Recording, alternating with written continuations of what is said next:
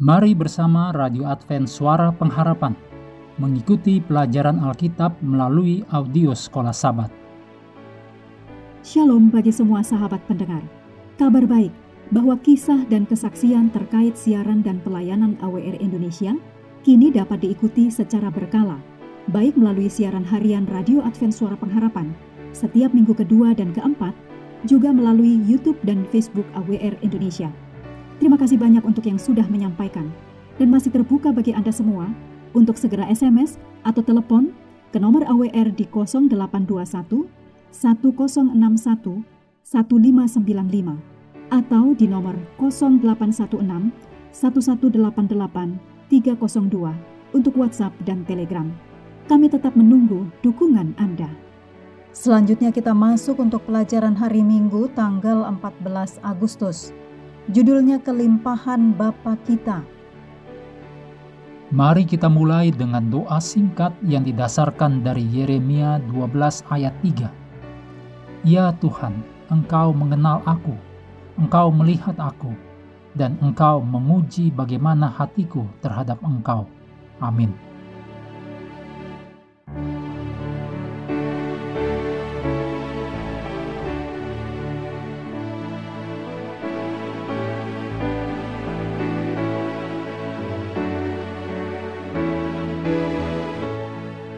Jika Allah benar-benar mengasihi saya, Dia pasti akan melakukan untuk saya. Beberapa kali saya bertanya-tanya mengenai pikiran itu yang sering terlintas di benak kita. Kita melihat keadaan kita dan kemudian mulai bertanya-tanya, apakah Allah benar-benar mengasihi kita? Karena jika Dia benar-benar mengasihi kita, segalanya akan berbeda. Ada dua alasan yang sering membuat kita meragukan kebaikan Allah. Pertama, ketika kita memiliki hasrat membara di hati dan pikiran kita untuk sesuatu yang kita yakini baik. Gagasan bahwa Allah mungkin menginginkan sesuatu yang berbeda bagi kita mungkin tampak tidak masuk akal. Kedua, kita mungkin meragukan kebaikan Allah karena pengalaman kita bertentangan dengan apa yang kita yakini.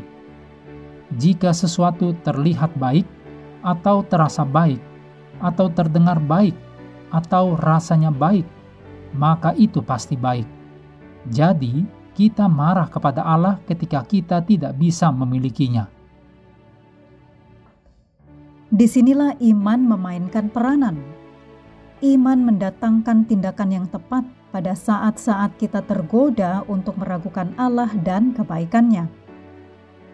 Roma 8 ayat 28 sampai 39 adalah bagian dari perikop pengharapan anak-anak Allah dan keyakinan iman.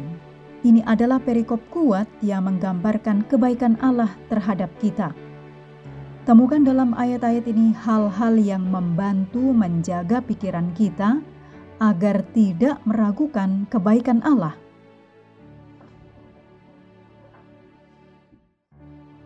Dalam Roma 8 ayat 32, ada bagian penting dari logika yang sangat membantu dalam menjaga kita agar tidak kewalahan oleh keadaan kita. Berikut ini Roma 8 ayat 32 menurut terjemahan versi The Message. Jika Allah tidak ragu-ragu mempertaruhkan segalanya untuk kita, merangkul kondisi kita dan mempertaruhkan dirinya pada keadaan yang terburuk dengan mengutus anaknya sendiri? Apakah ada hal lain yang tidak akan dia lakukan dengan senang hati dan cuma-cuma untuk kita? Bagaimanakah mungkin kita berpikir bahwa Allah telah mengutus Yesus untuk mati bagi kita, dan kemudian Allah berubah menjadi jahat dan pelit?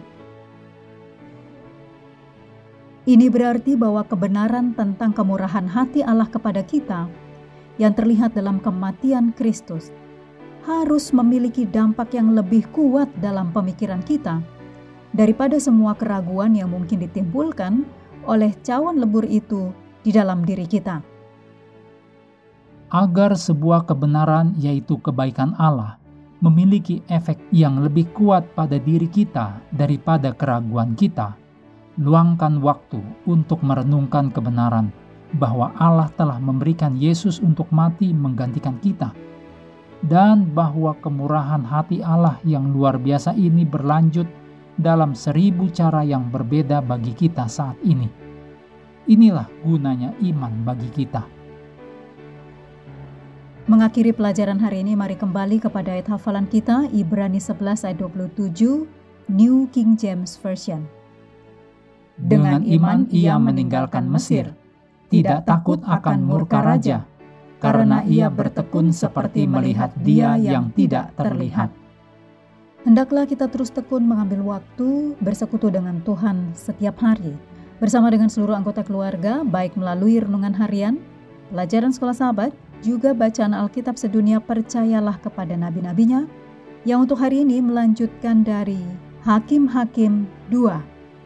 Tuhan memberkati kita semua.